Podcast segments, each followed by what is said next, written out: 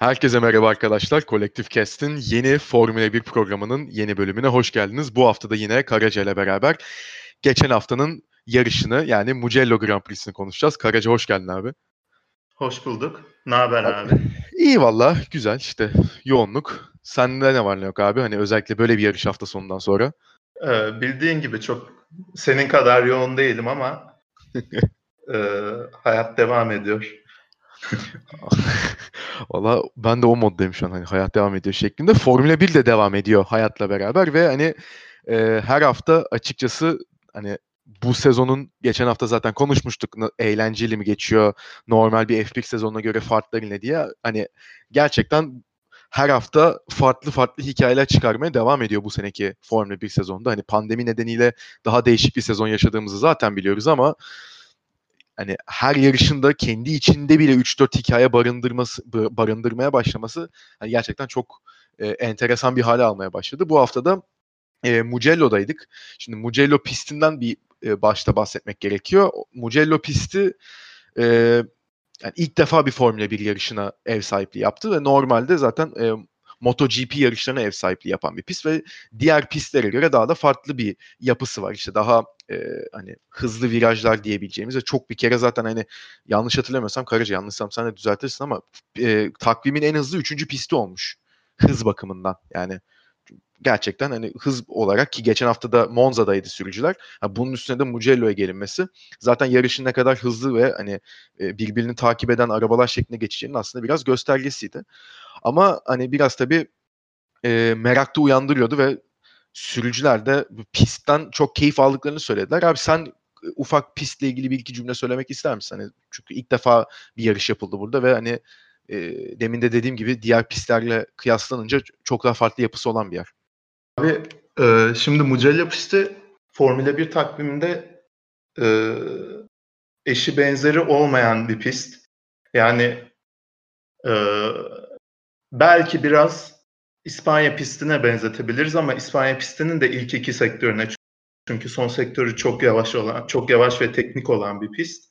Ee, sürekli hızlı virajlar, e, uzun virajlar, dediğin gibi MotoGP ve diğer motosiklet yarışlarına daha çok ev sahipliği yaptığı için e, tamamen motosiklet yarışlarına e, uygun bir pist. Bu yüzden de klasik Formula 1 pistlerinden ayrışıyor. Zaten pistin planına baktığımızda da e, böyle e, mesela Soçi'deki gibi 90 derece sivri dönüşler yok. Hep e, uzayan, uzun böyle U şeklinde olan virajlar var. Ve neredeyse fren yapılmayan hatta hani. Aynen, aynen. Yani 6. virajdan 10. viraja kadar tam gaz Tabii. gittiğini gördük Mercedes'lerin sıralama turlarında. İnanılmaz izlemesi zevkli bir pist ve çok da iniş çıkış var. Evet. Ee, sanırım pist boyu 140'ın altına, 4. vitesin altına inmediler abi.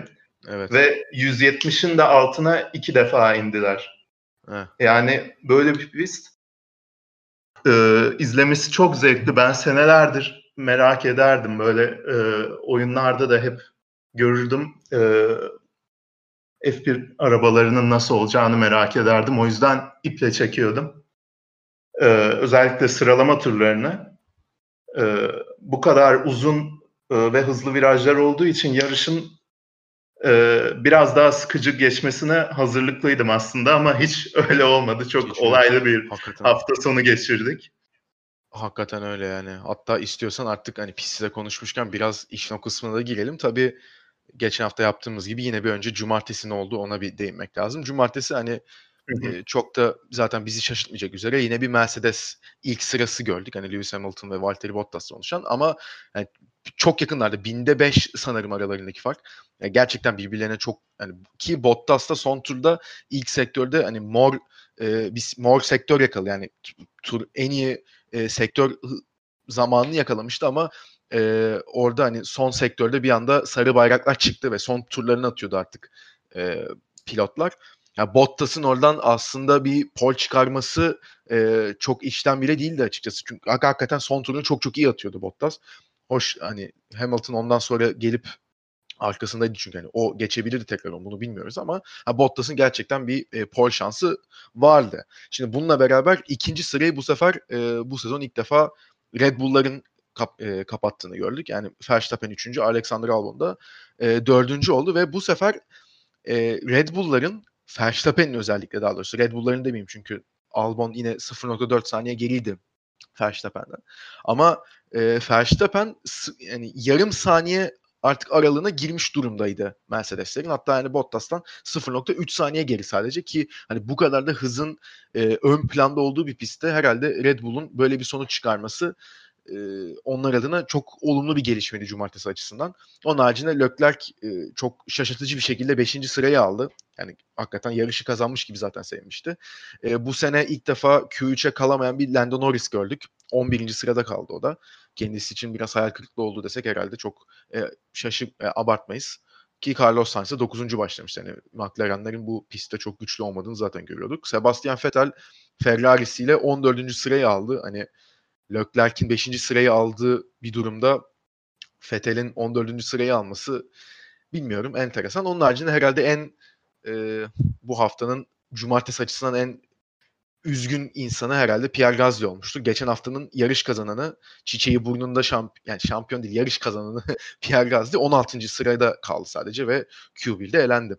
Abi sen çok kısa e, bu cumartesi günkü durumu gördükten sonra yarış için özellikle yani bir Verstappen'in hakikaten ciddi anlamda bir şansı olduğunu düşünmüş müydün? Veya ne bileyim mesela Leclerc'in kendini bir anda podyum sıralarına atabileceğini falan düşünmüş müydün? Hani bu sıralamayı görünce ne hissettin? Abi e, Leclerc'ten başlayayım. Ben Leclerc'in e, ya Fethel'i geçeceğini düşünüyordum. E, rahatlıkla. Q3'te de arkalarda kalacağını düşünüyordum ama Ocon'un e, son dakikadaki spiniyle e, kim neredeyse kimse turlarını tur zamanlarını geliştiremedi. E, Leclerc o spin olduğu sırada önde olduğu için tur zamanını bitirebildi ve e, Racing Point'lerin önüne geçti. Ben Racing Point'lerin bir defa kesinlikle arkasında kalacağını düşünüyordum. Ee, onun dışında dediğin gibi McLaren için biraz e, hayal kırıklığı yaratan bir sıralamaydı ve hafta sonuydu genel olarak.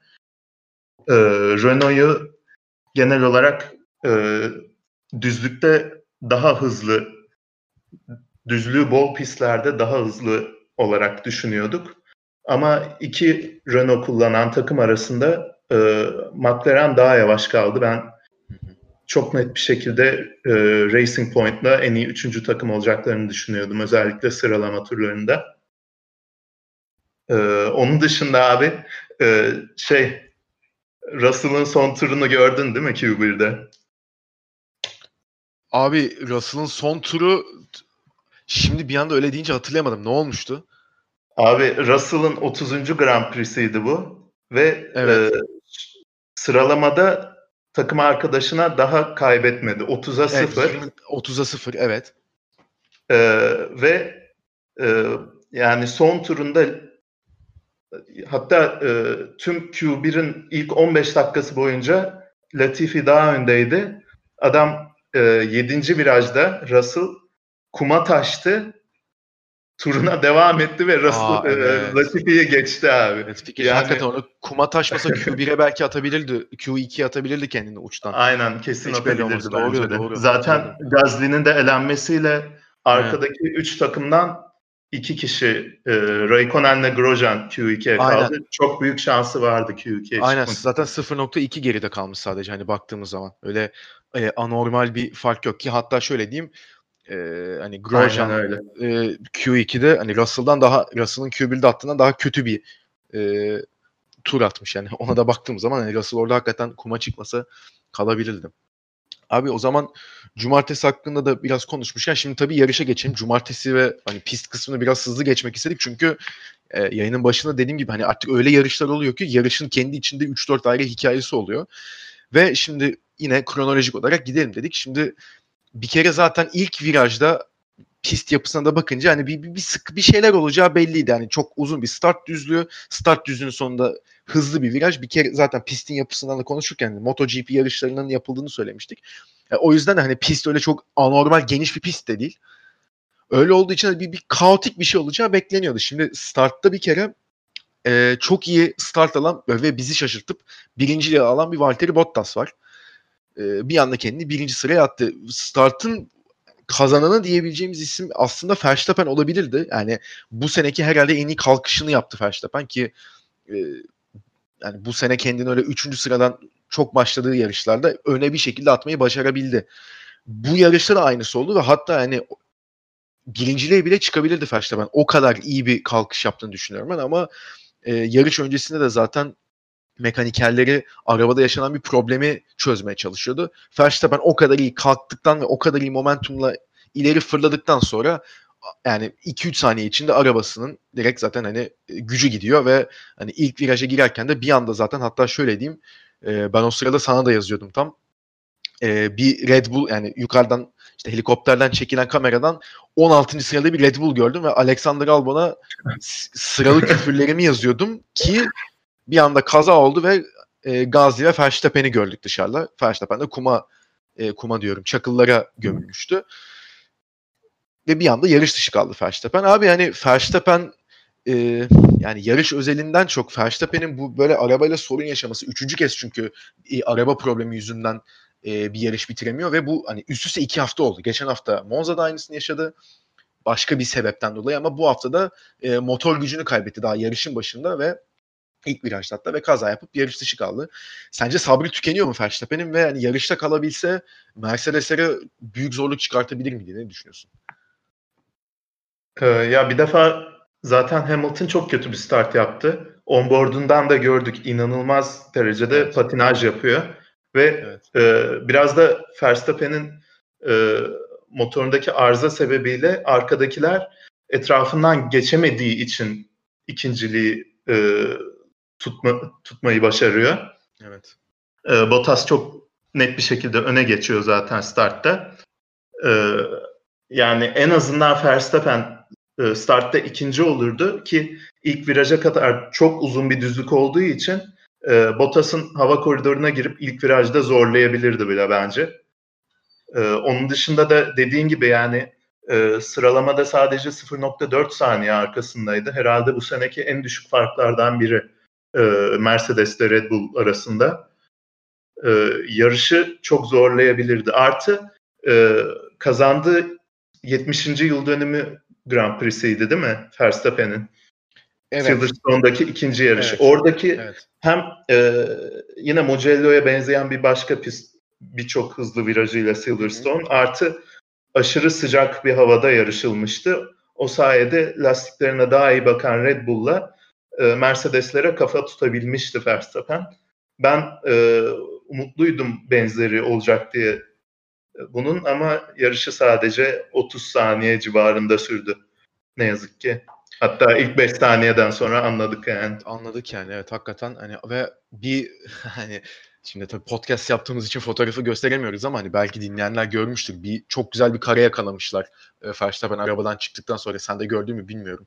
Bu işte e, paddock'a geri giderken daha ilk arabadan çıkıyor. Tellerin arkasına geçiyor. Arabaya bir bakışını yakalamışlar Verstappen'in. Hani resmen hani beni yarı yolda bıraktın diye böyle bağırıyor fotoğraf ama yani hakikaten e, kendisini de ben zaten daha önce de dedim hani arabayı Verstappen bence daha iyi gösteriyor diye ve hani Honda motoru da tamam geçen hafta e, Gazli kazandı ama hani Honda motorunun da Verstappen'in arabasında 3 kere sıkıntı yaşaması ya bilmiyorum Verstappen de bir yerden sonra artık hani yeter artık deyip Dark Side'a geçecekmiş gibime geliyor. 2022'yi tabii görür bu kurallar değiştikten sonra ama e, ondan sonra ben çok sabredeceğini düşünmüyorum. Onun haricinde çok iyi kalkan bir abi startta Leclerc var. Yani Leclerc bir anda üçüncülü attı kendine. Orada böyle hafif heyecanlandım mı ya? Ne oluyor ya? Bir, bir şey gelecek mi acaba diye. Abi Leclerc bir kez daha şapkadan tavşanı çıkardı yani resmen. Sıralamada biraz şans yaverinde gitti. Beşinciliğe tırmandı işte demin dediğimiz gibi. Startta da Albon zaten e, yani vasat bir start aldı. Onun önüne geçti. Sonra Verstappen'i de geçti. E, ben o noktada e, Leclerc'in ilk beşe çok rahat tutunabileceğini düşünüyordum. Bir de e, dediğim gibi Katalonya'ya biraz daha e, benzer bir pist olduğu için Ferrari'nin yani bu hafta sonu gösterdiği performanstan çok daha iyi bir performans göstereceğini ve tutunabileceğini düşünüyordum. Ee, ama yani istediği kadar uğraşsın yine gördük. Otobanda geçer gibi geçildi ee, devam eden turlarda. Evet abi yani. O şekilde görmek de üzücü ya. Bu arada Ferrari arabası çok güzel değil miydi ya rengi? Evet, evet. inanılmazdı ya. Keşke hep öyle yapsalar. Şimdiki yani normal yarışlarda kullandıkları kırmızı, mat kırmızı bence e, çok ortalama ya. Hatta ortalamanın altında bir renk. Abi ya, ikonik. O yüzden kullanılıyor ama yoksa bu Bordeaux'u ben çok beğendim yani. o yüzden hani o Ferrari'yi öyle görmek evet. güzel oldu. Da tabii hani başlangıçta bunlar yaşandı. Ya abi ondan sonrasında zaten hani daha e, şimdi bu ilk kazadan sonra normal güvenlik aracı girdi. Zaten ilk kazayı da biraz konuşalım ha, istersen. Onu da konuşalım evet. E, onu da demişken yani o Verstappen tabii arka sıralarda kalıyor. Arabasında gitmemesiyle gitmemesinden dolayı ve hani orada Gazli ile bir tabii hani Gazli de 16. başlamıştı yarışa. Onunla bir çarpışma. İstiyorsan sen hani o kazaları çünkü çok e, yakından da baktığınız şey yapmıştın. Biraz senden istiyorsan bir detay alalım. Hani orada ne oldu? Çünkü daha fazla araçla bir, bir araya geliyordu ilk kazada yani. Ee, aynen. Yani e, ana düzlük dışında Mugello zaten aşırı dar bir pist. Ee, ve hep hızlı virajlar olduğu için tek bir çizginin makbul olduğu e, virajlardan oluşuyor genel olarak. Startta e, tabii e, ikişer halinde konvoy olarak girmeye çalıştılar ilk birkaç viraja. E, Giovinazzi ile Grosjean yan yanaydı. E, pardon özür diliyorum. Raikkonen ile Grosjean yan yanaydı. Gasly e, iyi bir çekiş yakalayarak, e, onların arasına girmeye çalıştı ama pistin darlığından yani iki kişinin çok zor yan yana gittiği bir pistte üç kişi yan yana gitmeye çalıştılar. Gasly sandviç oldu e, Raikkonen'in aracına tırmandı. E, Raikkonen'in orada sağ taraftaki herhalde radyatörler falan e, bozulmuştur biraz. Deforme olmuştur. Grosjean'ı da Grosjean'ı da kum havuzuna atıyor. E, Raikkonen de tabii e, Gazli ile takıştığı için e, yavaşlayam yavaşlatamıyor arabayı. Önde zaten yavaş giden Verstappen'e arkadan çarpıyor. Evet. Önde de e, hiçbir onboard'dan göremedim ama Sainz bir şekilde spin atıyor. Evet. Ve Fetel, Fetel ön kanadı tabii. Aynen. E, yani gidecek hiçbir yeri yok Fetel'in. E, mecburen çarpıyor o da. E, Grosjean'ın da bu arada e, o Gazli'nin çarpması sonucu kum havuzuna fırlıyor abi. E, Çıkıyor ve, ama. ve e, bariyerlere tam dik açıyla çarpıyor. Ben anlamadım yani nasıl süspansiyon evet. hasarı olmamış, nasıl o araba devam etmiş. Sonra Abi da zaten hani birazdan da geleceğiz. Ee, hani Grosjean bu yarışı nasıl bitirdi ben anlayamadım zaten. Yani.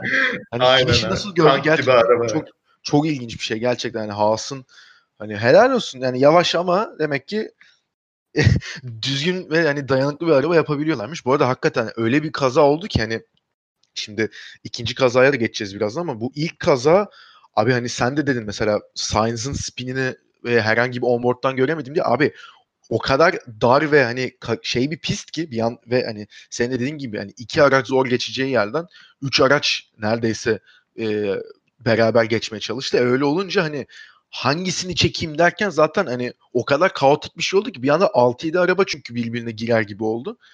Ve hani kim vurduya gitti mesela ben Fethel'in ön kanadının koptuğunu 5. 6. turda mı ne ancak daha safety car devam ediyor. Yeni yeni görüntüler gelmeye başlıyor. O da helikopter kamerasından yani. yani onboardlardan da değil. Oha dedim ne oluyor? Sainz spin atmış. E Fetel niye girdi? Aa ön kanat değişti. Ön kanat kırılmış. Oldum bir anda hani. O kadar zaten kalmış bir kazaydı. Ve şimdi hani bu yaşanmışken tam hani dedik peki hani safety car girecek. Ee, yarış tekrar başlayacak. Bottas zaten önde birinci. Hani Bottas'la Hamilton kapışır. Artık üçüncülük içinde hani biraz da açık kapı var. İşte Albon var. E, Leclerc o sırada üçüncü sırada. Hani böyle tutabilir mi? Çok mümkün gözükmese bile en azından savaşır diyorduk. İşte dediğim gibi Albon, Ricardo, Perez o sırada e, Stroll yarışta. işte Norris var. Yani belki arkadan kendini atabilir şeklinde bakabileceğim. Sainz gerilerde kalmış olsa da puan için tırmalayabilirdi. İşte Fetel aynı şekilde. Yani tam hani bunları böyle konuşurken şimdi orada sözü biraz sana bırakacağım çünkü e, çok fazla tartışmaya sebep olan bir e, değil değil ama olaylar silsilesi gerçekleşti. Çünkü orada bir işte e, eleştirilen iki tane nokta var. İlki safety car'ın e, ışıklarını kapattığı yer çok eleştirildi. Hani tam viraj bitiminde ve e, yanlış hatırlamıyorsam hani start düzlüğünün ki çok uzun bir düzlük tam onun başında kapattı ışıkları yanlış hatırlamıyorsam. Bu çok eleştirildi. İkinci eleştirilen nokta ve kişi de Valtteri Bottas. Hani Valtteri Bottas birinciydi o sırada ve safety car içeri girdikten sonra yarışı birinci götüren kişi yarışı tekrar başlatıyor. Ve hani Valtteri Bottas'ın işte start düzlüğünde sürekli zigzag slalom yaptığını gördük.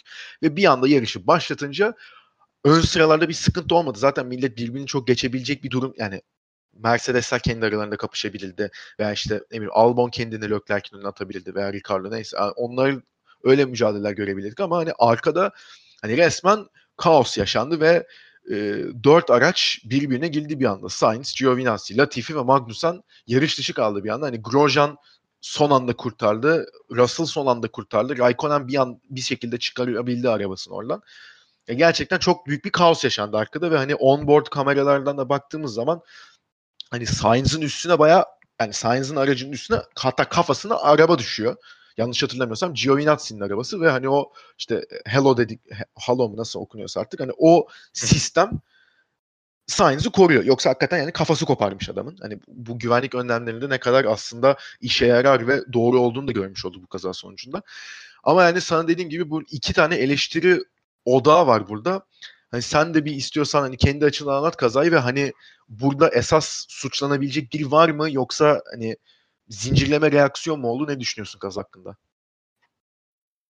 Abi e, kazayı canlı izlerken biz zaten seninle sürekli konuşuyorduk. Ve e, ben ilk başta direkt Bottas'ı su- suçladım ama e, sonra hatta e, 2016'da bir Formula 2 yarışı var. Onun klibini hunharca arama, arayıp Aynen. bulmaya çalıştım sana e, benzer bir şey diye ama e, sonra tekrar tekrar izledikçe fark ettim ki e, arada farklılıklar var. O e, Formula 2'deki olay da e, yarış lideri yine e, start finish çizgisi düzlüğün çok ilerisinde olduğu için e, aynı mantıkla düzlüğü olabildiğince kısaltıp e, hava koridoru efektini olabildiğince azaltmaya çalışıyor. En azından e, öyle yapmayı hedefliyor. Ama e, bu taktiği zaten 2-3 defa uyguluyor o yarışta. İlkinde e, çok erken e, hızlanmaya başladığı için safety car daha pite girmeden yakalıyor ve birden durmak zorunda kalıyor. Evet, Kaz- kaza oluyor. İkincide e, yine sabit bir hızda devam etmiyor. E, ve e, bu yüzden adam zaten iki yarış ceza almıştı. Bu sefer e, Bottas sürekli slalom yapmasına rağmen hep sabit bir hızda devam etmiş en azından. E, gaza ani bir şekilde basmamış. Önde o bakımdan sıkıntı yok. Yani kural diyor ki start finish çizgisine kadar kimse kimseyi geçemez. Adam da e, kuralı e, sonuna kadar kuraldan sonuna kadar faydalanmaya çalışıyor. Yani e, bunda ön tarafı suçlamanın bir alemi yok bence. Ee, onun... Yani etik mi hani yapılır mı yapılmaz mı tartışması çok oldu. Özellikle de bu slalom konusunda yani. Yani, yani evet biraz sıkıntı yok bence de çok e, agresif bir şekilde slalom yapıyor. Belki de Hamilton'ı e, korkutmak için ya da e, bir an böyle gafil avlamak için. Ama yani e, bir e, kural ihlali yok bence herhangi bir konuda. E, onun dışında abi e, arkalarda 9. sırada ya 9. sıraya kadar herkes e, yakından takip ediyor öndekileri e, sabit hızlarını koruyarak. Evet. Kvyat e, 9. sırada Kvyat önündekiyle biraz fark açılıyor. O yüzden ona e, yetişmek için yarış başlayacak diye e, hızlanıyor. Arkasındaki 10. sıradaki Ocon'la beraber hızlanıyorlar biraz. E, hemen yavaşlıyorlar. Ama Ocon'un arkasında e, Russell var ve Russell bayağı geride kalmış. Evet. O bu hızlanmayı görünce o da tam gaz gitmeye başlıyor birkaç saniye boyunca. Yarış başladı sanıyorlar aslında. Aynen yarış başladı sanıyorlar. Ee, ve Russell e, bu konvoya öndeki 10 kişilik konvoya yaklaşınca frene basıyor ve pistin en sağ tarafına e, kendini atıyor. Arkadakiler çarpmasın diye. Arkadakiler de birbirinin hava koridoruna girmiş durumda. Çok yakınlar. Magnussen e, Russell'ın arkasında e, ama Russell kendini sağa bir anda attığı için çok rahat bir şekilde kurtarıyor kendini ama kendisi aynı şekilde sola veya sağa atmıyor. Ortalıyor arabasını yavaşlarken. Latifi 13. sırada. E, o Magnussen kendini kenara atmadığı için son anda kurtarıyor. Son anda bir manevra yaparak. Ama bundan sonra arkadakiler e, tamamen yolcu yani kazada. Çünkü evet. Giovinazzi'nin hemen önünde Latifi var. Latifi birden sola atıyor. Birden görüyor Magnussen böyle 100 kilometre daha yavaş ve e, ona çarpıyor. E, çok korkutucu bir kaza gerçekten. Sainz'ın ki daha da korkutucu. O çünkü evet. e, en azından Giovinazzi'nin onboardunda e, Latifi'nin sola kaymasıyla daha yavaş aracı biraz görüyoruz. Ama Sainz'in onboardunda direkt çarpan arabalar görmeye başlıyoruz ve birden duran otomobiller. Ee, yani böyle acayip bir zincirleme kaza gördük. Zaten e, o sırada yarıştaki 18 sürücüden 12'si bu safety car restartı ile alakalı bir uyarı aldı. Bu da çok komik bir durum bence. Yani 18 kişiden 12'ye durum ver, e, uyarı veriyorsan e, kuralda bir sıkıntı var demektir abi. Evet abi hani bir de hiç Bence ce- ceza da almadı yani hakikaten dediğin gibi uyarıyla kaldı da orada hani zaten hani ceza verilebilecek bir durum da yoktu hani özellikle Bottas durumunda mesela Grosjean orada çok hani anlıyorum Grosjean tepkisini ee, yani olarak korkuyor çünkü çok acayip bir kazadan bir yanda kurtarırken hani bu öndekiler bizi öldürmek mi istiyor diyor da yani orada senin de dediğin gibi hani yarış sonrasında muhtemelen e, tekrar izledikleri zaman özellikle hani Bottas'ın bilinçli bir şey yapmadığını ve yani senin anlattığın şekilde hani bir anda aslında iki arabanın yani 9 ile 10. arabaların arasının açılmasının ve yani arkadakilerin ne olduğunu anlayamamasından mütevellit bir şey gerçekleşiyor. Yoksa orada hakikaten yani şanssızlık var çok. Hani yoksa öyle bilinçli veya e, öyle hani zaten kimse kimsenin kaza yapmasını istemiyor griddekilerden diye umuyorum ama hani öyle faydalanma bir durumdan falan tarzında bir şey olduğunu zaten çok da düşünmüyorum orada. Bu arada şeyi de gördün mü? Tam hani tabii böyle çok ağır bir kaza olunca bir de start düzlüğünde olunca e, yarışta kırmızı bayraklar da çıktı. Geçen hafta olduğu gibi yine pit alanına dizildi arabalar. Herkes arabadan çıktı. Bottas çıkmadı. Bir de radyodan soruyor ya ne oldu ya diye. Aynen. Abi yani yazık tabii o da biraz suçluluk hissetmiştir ama muhtemelen. Yani evet ama dediğim gibi e, onun o kendi yarışına odaklanıyor yani kural neyse onu uygulamaya çalışıyor. Bence e, mesela dedin ya güvenlik aracının ışıkları çok geç söndü diye. Evet. Bence yani iki viraj öncesinde sönse bile Bottas yine aynı şeyi yapacaktı bence. Yani muhtemelen. Yani bunun çözümü evet. şey olabilir. E, safety car çıkarken e, birbirlerini geçebilecekleri çizgiyi daha erkene almak. Bu sayede yarış mecburen başlıyor yani. Öyle evet. düzlüğün ortasında birden 50 ile gitmiyorlar. 50 ile 90 ile neyse artık. Evet, aynen öyle ki hani pistin şekline göre de değişebilir. Yani dediğimiz gibi çok uzun yani bu Mugello'daki şey hakikaten çok uzun bir düzlüktü. Tam bir de ortasında yani şey yani başında veya sonunda da değil start şeyi e, finish çizgisi. Hani öyle olduğu için yani çok farklı bir kazaya sebep oldu ama yani tabii kimsenin e, yara almadan kurtulması da buradan hani bu güvenlik regülasyonlarının ne kadar doğru yapıldığını ve hani düzgün işlediğini de bir göstergesi oldu. O açıdan da iyi tabii Kesinlikle. ki. Bir tek ama hani e, tabii sürücüleri görünce özellikle Sainz'i çok gösterdi. El ayağı titriyordu adamın yani, haklı olarak. Üstüne araba düştü adamı yani hani oradan nasıl çizik bile almadan çıktım diye düşünüyordur muhtemelen. Ve sonrasında abi şimdi bu ikinci kazamızdı. Şimdi ikinci kazadan sonra tabii bir 15-20 dakika kırmızı bayraklar çıktı. Pist temizlendi ve dediler ki yine işte grid start yapılacak. Peki hani zaten hani yarışabilecek bu arada şey e, kırmızı bayraklar sırasında da Esteban Ocon yarıştan çekildiğini açıkladı. Arabasında zaten bir sıkıntı vardı ki zaten e, ilk safety car girdiği zaman da yanlış hatırlamıyorsam Russell bundan bahsetmişti. Hani Ocon'un e, frenlerine alev çıkıyor diye. Sonra televizyon bir gösterdi hakikaten bir sıkıntı var. E, o konuda hani arabasında zaten sıkıntı olduğu için yarıştan çekildi. Zaten geriye 13 kişi kaldı. Hani gridin neredeyse evet. yarısı gitmiş durumdaydı. E şimdi öyle bir durum olunca da zaten sen de fark etmişsindir o ik, e, ikinci startta arabalar biraz daha hani sakin kalktı.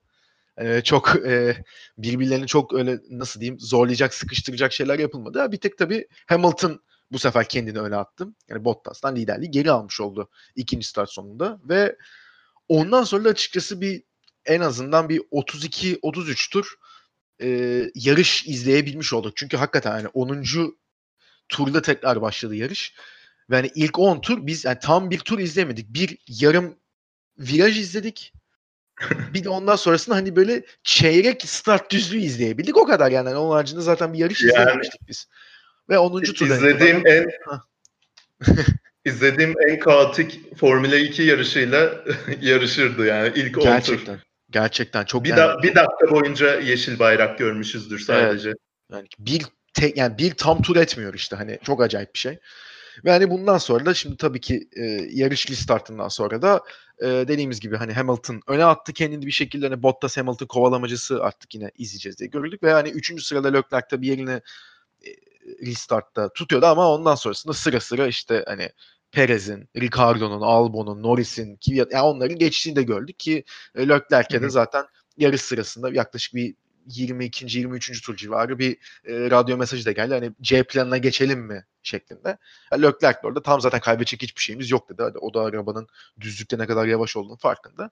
En azından hani puanı kurtarma açısından daha farklı bir strateji yapılabileceğini düşündü herhalde kendisi de. E, onun haricinde çok öyle e, olaylı bir nasıl diyeyim e, ikinci kazaya kadar çok olaylı bir yarışta açıkçası geçirmedik. İşte Stroll üçüncü gidiyordu. Ricardo'nun orada bir anda düzlüklerde de ve hani arabasının da gittikçe piste alışarak hani hızlandığını da gördük. Ricardo da arabasında zaten memnun gözüküyor son haftalarda. E, ve Daniel Ricardo da bir anda kendini üçüncü sıraya attı ve hani aha podyum mu geliyor Ricardo'nun hani işte Cyril şeyin Renault'un başındaki o takım direktörü Ricardo'nun istediği bir dövmeyi mi yaptıracak acaba diye tam böyle konuşmalar şey yapılıyorken Ricardo ayakkabısından yine şampanya içecek mi diye. Muhtemelen içilmezlerdi bu arada hani korona yüzünden ama e, 42. turda tam da böyle Ricardo iyi gidiyor. Hani Albon ona çok yaklaşamıyor. Stroll onu çok zorlayabilecek bir durumda değil derken Stroll'ün e, bir virajda lastiğinin patladığını ve çok sert bir şekilde bariyerlere girdiğini gördük ve ikinci kez yarışta kırmızı bayraklar kalktı. Abi yani istiyorsan bu kazadan da biraz bahsetsen çünkü hani bu da biz zaten ilk anlayamadık hani Stroll'ün lastiğinin patladığını kendisi de dedi araba ikiye ayrıldı zaten nerede. Arabanın içi açıldı. Ben ilk defa öyle bir e, araba gördüm Formula 1 kazasında. Abi yani kara kara, kara kara dumanlar çıkıyordu en evet. sonunda. Ben dedim patlayacak mı yani? Zaten İta- İtalyan görevlileri de gösterdi. Onlar bağırıyor, çağırıyor. İlginç bir görüntüydü o da. Çok ilginç ee, Aynen. Ama kaza olduğu anda e, ya arabayla alakalı bir şey olduğu belliydi. Çünkü e, şey tam gaz gidilen virajlardan birinde birden kum havuzuna fırlıyor araba hani pilot hatası olmadığı belliydi. Geçen hafta da tam Stroll'e kaza yapmıyor dedik dedik adam inanılmaz ağır bir kaza geçirdi. Ya. Yani. Evet, gerçekten o da kendine gelemedi zaten kazadan sonra haklı yani çok zaten titriyordu ya gördün mü? Abi 280'li mi ne Gözlerini falan yani. oluşturuyordu. O tabii, şoktan tabii. ağlamaya tabii. başlamış olabilir yani. Tabii. 280'li mi 275'li mi ne giriyor viraja düşün. Hani öyle bir hızla hani nasıl bir etki tepki olabileceğini or- oradan düşünmek lazım. Yani çok çok çok hızlı giriyor. Abi yani e, onboard'da da görüyoruz zaten birden araba kendini fırlatıyor sola doğru. E, Albon'un da onboard'undan görüyoruz birden parçalar falan e, uçmaya başlıyor. Hatta Albon'un ellerine parçalar çarpmış. Telsizde takımına söylüyor ellerime bir şeyler geldi diye. Ee, ve araba tamamen hurdaya dönüyor. Ee, artı lastik bariyerlere çarparken o lastik bar- bariyerlerinin önündeki hani e, kemer var ya Evet. o kemer Stroll'ün kafasına çarpabilirmiş yani. O da Halo'nun yine bir kurtardığı bir şey olabilir. Ne kadar ciddi olurdu bilmiyorum. Yani Sainz'ınkinde Halo çok daha net bir kurtarıcı da. Evet. Ee, ama yandan arabayı görüyoruz ve Halo hafif bükülmüş böyle. Büküldüğü yerden dumanlar çıkıyor falan. Ki e, Halo ilk çıktığında hep reklamını şey diye yaptılar. İki katlı otobüs üstüne e, e, çıkarılabilir ve Halo hala bozulmaz. Çok güçlü bir yapı falan diye. O kadar e, Hakikaten o, öyle ama. o kadar güçlü bir e, o kadar ani bir kaza yani. Evet. Ve hiçbir şey olmadan çıktı arabadan.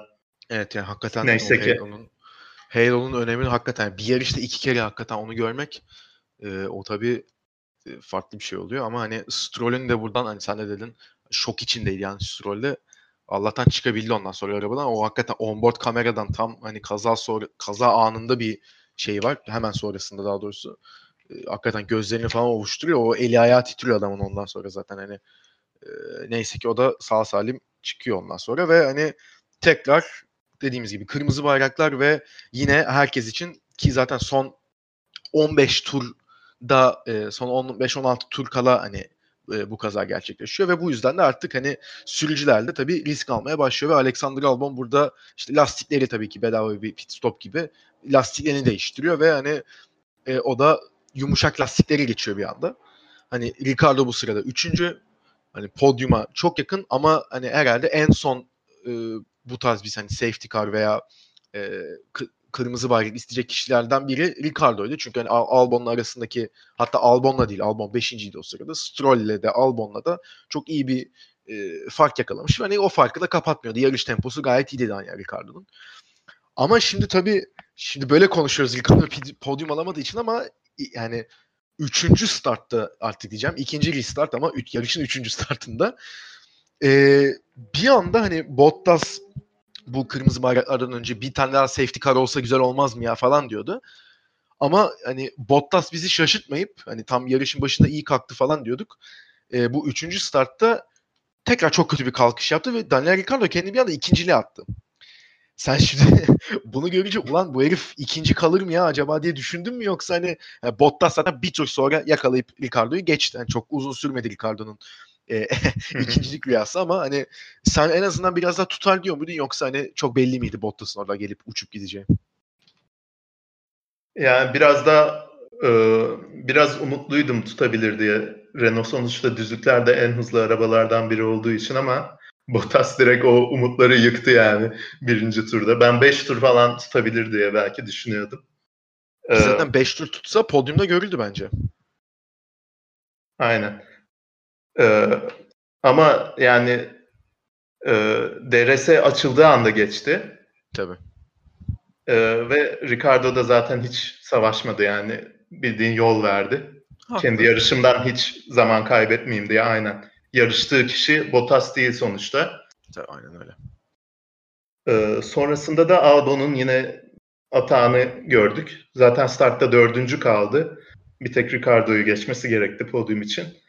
Ama abi Albon'un e, böyle ilginç bir tarafı var yani.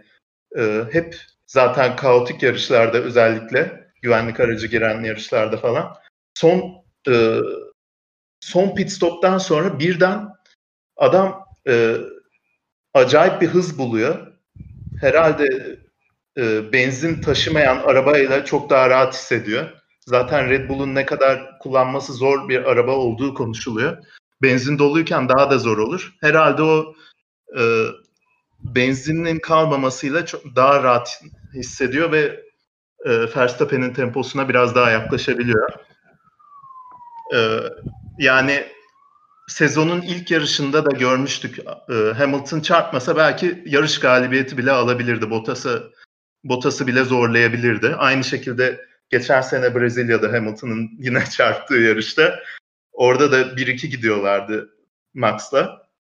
Evet. Ee, yani onun dışında Red Bull'la ilk yarışında da e, ortalarda giderken birden son stintte inanılmaz bir hız buluyor ve e, 4-5 geçiş birden yapıyor.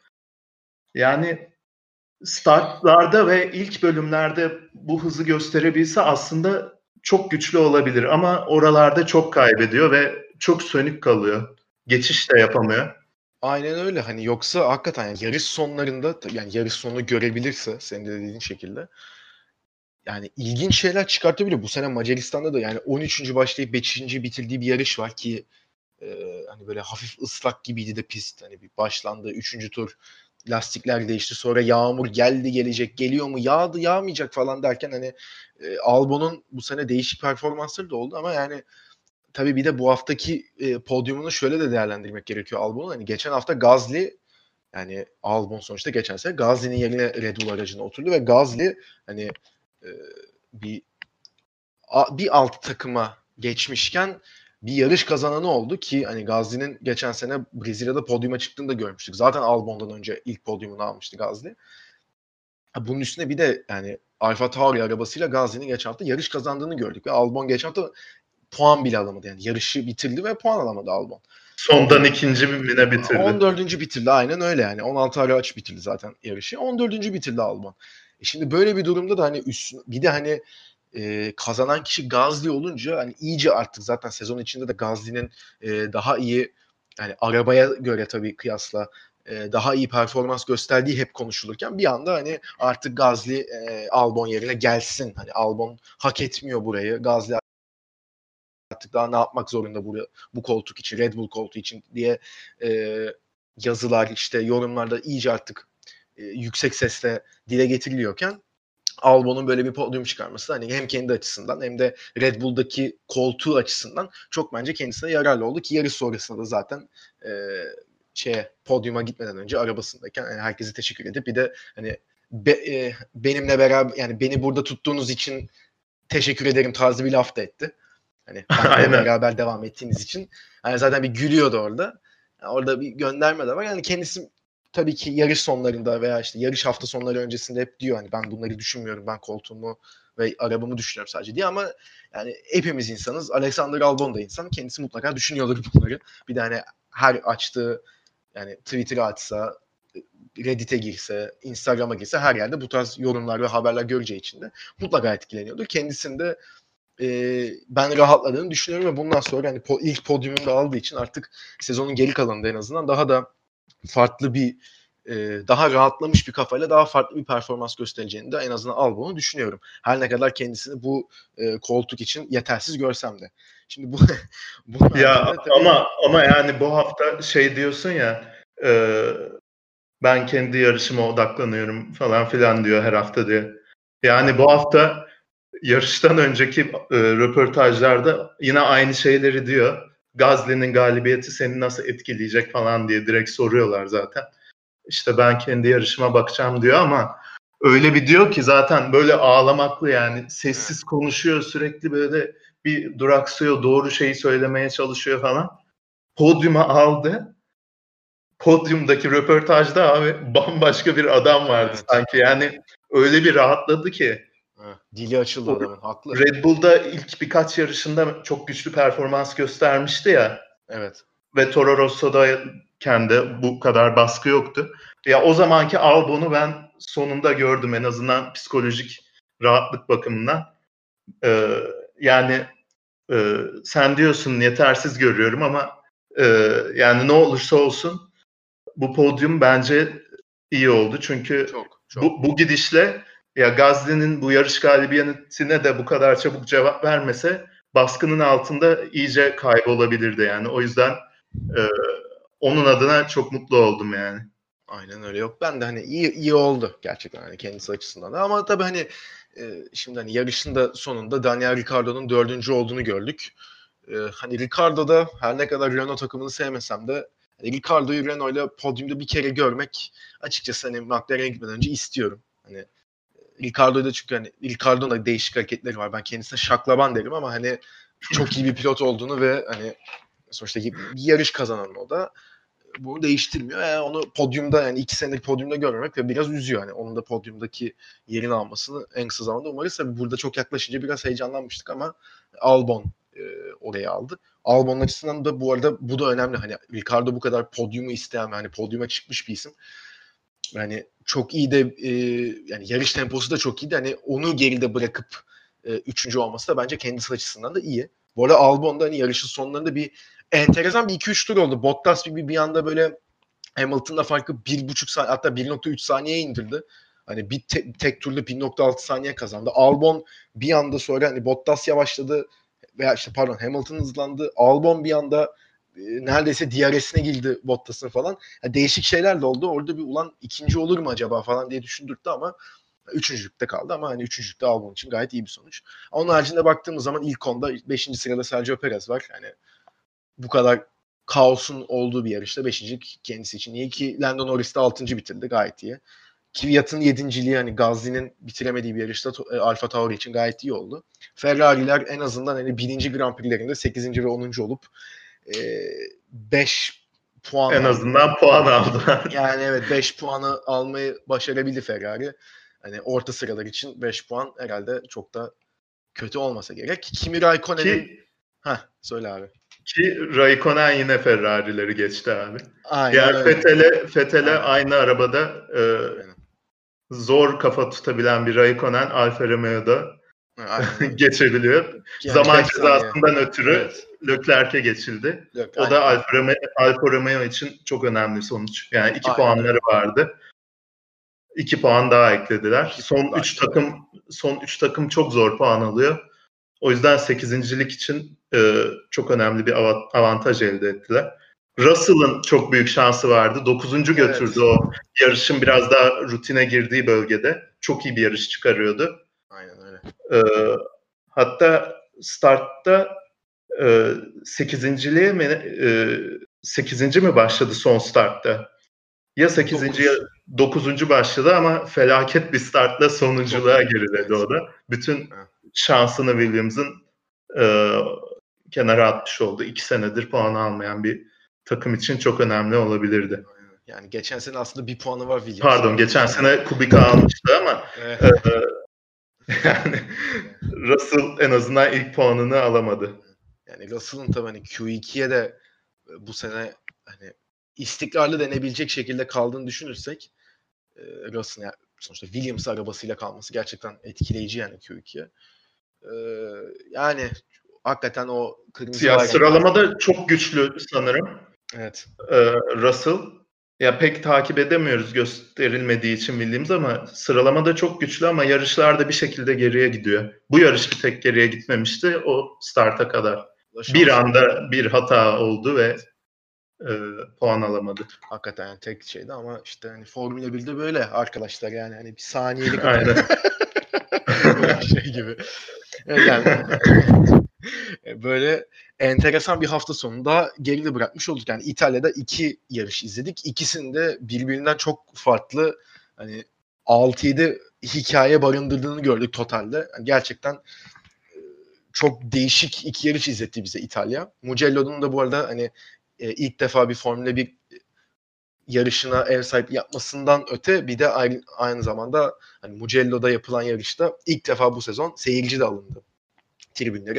Yani 3000 kişi geldi sadece ama hani onları da görmek sonuçta artık hani e, pandemi tabii ki hala devam ediyor ama hani en azından 3000 yani az kişi görmüş olma- olmak bile biraz e, beni mutlu etti. Hani sırf bomboş tribünlerde değil de en azından insanlar vardı ve hani seyirciler de yani görmüş Aynen. O- da o açıdan da iyi O oldu. dinamiği gördük. Evet o açıdan da iyi oldu. Seyirci demişken bugün de İstanbul Park'ta yapılacak yarışın biletleriyle çıkmış. Site çökmüş tabii ki normal olarak. O tabii hani ne kadar seyirci ben pek inanmıyorum seyirci yapılacağını yarışta ama bakalım satılıyor yarışlar. Abi istiyorsan zaman son bir e, sorum daha var sana. Ondan sonra kapatalım zaten. Yani şimdi bu yarışı da bu kadar konuşmuşken ya sen bu pistin Formula 1'de kalıcı olmasını ister misin yoksa hani e, yani güzel bir bir senelik bir tat verdi tamam ama hani istikrarlı bir şekilde e, takvimde olabilecek bir pist değil mi diyorsun? Ne düşünüyorsun bu pist hakkında? Ya bu seneki yarış bence kesinlikle bir daha tekrarı olmayacak bir yarış. Çünkü ilk 10 turda olanlar yani Formula 1 e, gibi bir kategoride bir daha zor göreceğimiz bir olay. Ama e, özellikle cumartesi günkü verdiği heyecan yani e, inanılmaz hızlarla virajlar dönülüyor. E, Monaco'nun hani mesela hafta sonunun en e, highlight'ı sıralama turlarıdır ya. Mugello da bence o şekilde takvimde yer alabilecek bir pist. Ben geçiş imkanının olmayacağını düşünüyordum o 1.1 kilometrelik düzlükte bile. E, ama geçişler de e, bol bol gördük. O yarışın durulduğu e, 30 turluk bölümde. Ve e, hani Leclerc dışında e, otobanda geçilir gibi geçilen olmadı. Hep böyle son ana kadar yan yana gibi ilk viraj uzun olduğu için yan yana devam etmeye çalışıyorlar da sonra e, geçiş tamamlanıyor. Bu şekilde geçişler gördük. Hani bir mücadele de vardı geçiş denemelerinde. E, o yüzden beklediğimden kesinlikle daha heyecanlı bir yarıştı. Ve e, bir daha görmek isterim ben açıkçası. E, bu seneki gibi bir yarış beklememekle beraber. Ve e, tabii pistin kenarında kum havuzlarının olması bu kadar yakında e, en küçük hatayı cezalandırması da e, hoş bir değişiklik değişiklik oldu. Artı e, şey diyeceğim. Mesela e, takvimde bundan Mugello'dan daha sıkıcı çok net 5 pist sayabiliriz bence. Tabii tabii. Ya Abu Dhabi, Soçi gibi pistler var ama e, bunların e, finansal sebeplerle ben takvimden çıkacağını düşünmüyorum. Ama en azından e, özellikle de testlerin Barcelona'da yapılması ve e, sürücülerin ve takımların Barcelona pistini biraz fazla iyi tanıması sebebiyle e, çok sıkıcı yarışlar izliyoruz orada. E, Barcelona mı Mugello mu dersen Mugello. e, kesinlikle Mugello derim ben. Kesinlikle. kesinlikle. O yüzden e, tekrar görmek isteyeceğim bir pist olur yani. Sen e, sen yarışı izlerken biz ilk 10 turdan sonra bu pistte yarışılmaz diye isyanda bulunmuştun bana ama Abi evet. e, sen nasıl düşünüyorsun? Abi yok ya hakikaten hani o pistte yarışılmaz dememin sebebi ama hani öyle bir o abi ben de şimdi sonuçta ben MotoGP izleyen bir insan değilim. Şimdi yalan olmasın. Hani Mugello pistinde daha önce yapılmış herhangi bir MotoGP e, yarışında izlemedim bu yüzden ama hani pistte en azından hani cumartesi de izledikten sonra biraz hani şeyde fark ediliyordu yani hani geçiş zor olacak. Hani iki araba yan yana zor duruyor. Tek düzlük var. Çok hızlı virajlar var. Hani Mercedes çok rahat bir şekilde burada galibiyete gider. Ama hani çok da olay olmaz derken bir anda üst üste iki tane öyle çok büyük kaza görünce dedim ki yani bu pistte yarışılmaz. Çünkü hani arabalar yani bir, hiçbir yere kaçamıyor. Ama tabii ondan sonrasında hani zaten yayın sırasında sen özellikle çok iyi anlattın. Hani belli başka faktörler oldu orada. Hani Verstappen'in kazasında bir kere arabasının durması, arkada birinin spin atması, işte ikin, e, ikinci kazada grubun arkasında kalanların işte arasının açıldıktan sonra hızlanıp duramamaları falan. Yani bunlar çok pisle alakalı değil ama daha çok araba ve sürücülerle alakalı olan kazalarda aslında. Ha bir tek yani Stroll'ün kazasını o şekilde belki şey yapabiliriz. Onda da hani Stroll'ün lastiği patlıyor zaten. Hani lastiği patlamayıp kendi hani sırf bir milim çakıla girdi diye spin atsa mesela tamam deriz ama hani orada da lastik patlaması olduğu Yani için. o, o, o curb incelenebilir. Aynen Bilmiyorum. belki. Hani bir tek orası incelenebilir dediğim gibi ama onun haricinde hani ben hakikaten ilk kontur sonunda hani burada yarış yapılamaz diyordum ama hani sonrasına bakınca yani İspanya burada çok iyi bir örnek. Ee, ya en azından hani hız görme açısından cumartesilerin çok eğlenceli geçebileceğini görmüş olmamız açısından ki hani geçiş imkanı da veren bir pist olduğunu da gördük. Hani start düzünüz senin de dediğin gibi hani düzlük sırasında geçiş olmadı. Hep o son düzlük bitişindeki virajda hani Albon'un da mesela Ricardo'yu öyle geçtiğini gördük. Düzlükte geçmedi. Hani en son viraja girerken geç fren yapıp orada virajda kendini öne atmaya çalıştı ve öyle geçti. Ya bunları da gördükçe e, tabii ba- belli başka pistler var ama hani işin finansal açısından da baktığımız zaman hani tabii ki Soçi'nin, Abu Dhabi'nin e, yerini alabilecek bir durumda olduğunu düşünmüyorum ben de ama yani mesela Barcelona yerine ve hatta bence Fransa yerine de çok rahat düşünülebilecek bir pist. Yani o açıdan e, güzel de bir hafta sonu izle yani güzelden çok çok Evet, olaylı doğru. bir hafta sonu da izletti bize. Ama o zaman bunu da konuşmuşken istiyorsan artık bölümü de kapatalım. Lafı da güzel uzatmışız. Ama Son bir ekleme yapacağım abi.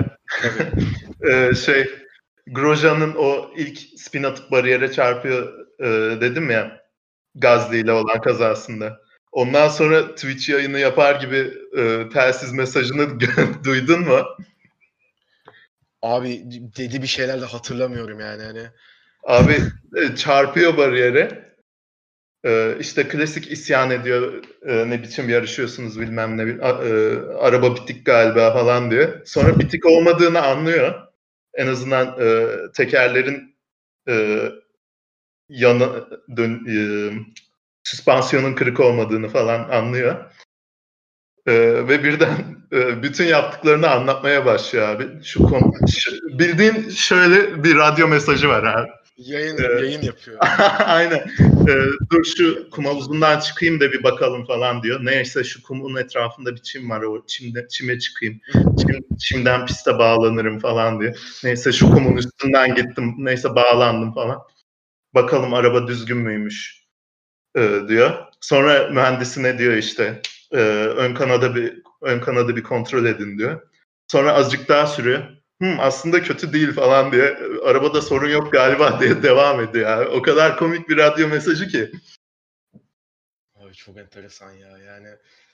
Ya, Bir de o- o e, safety car e, bittiğinde tekrar başladığımızda yarışa da yani onun onboardunda da bildiğin savaş alanı yani önünde kasırga çıkmış da böyle çatılar uçuşuyor gibi ve adam çarpmadan kurtarıyor. Yani bu kadar kaza yapmasıyla ünlü bir adam bu yarışı o kadar e, kazaların ortasından geçip e, tamamladı. Helal olsun ona da. Yani cidden hakikaten helal olsun. Çok enteresan. Puan şey. alamasa bile. bu detayları da vermişken artık bölümün de sonuna geldik. Ee, Karacacığım ağzına sağlık tekrardan. Çok teşekkür ederim. Eyvallah. Ben teşekkür ederim. Şimdi bu hafta sonu bir yarış yok. Ee, bir araya gireceğiz ve bundan sonra da artık iki haftada bir e, olacak yarışlar. Bir sonraki yarışımız da 27 e, Eylül'de Rusya'da Soçi'de olacak. Yani demin de gömüyorduk ama hani Heyecanla bekliyoruz. yani evet çok heyecanla bekliyoruz. Ama hani ne olursa en azından yarıştır.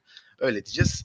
Ee, ama hani bundan sonra artık yarış olmayan haftalarda da en azından hani sezonun e, buraya kadar hani konuşamadığımız kısmında neler oldu? E, genel hani kişisel performanslar veya başka yaşanan olaylar, Fethel'in, Perez'in takım değişiklikleri, hatta sezon öncesinde yaşanan Sainz, işte e, Ricardo değişiklikleri gibi e, olaylar da var. Biraz da onlara da değinmek istiyoruz. O yüzden bizi dinlemeye devam edin. Çok teşekkür ederiz. Hoşçakalın.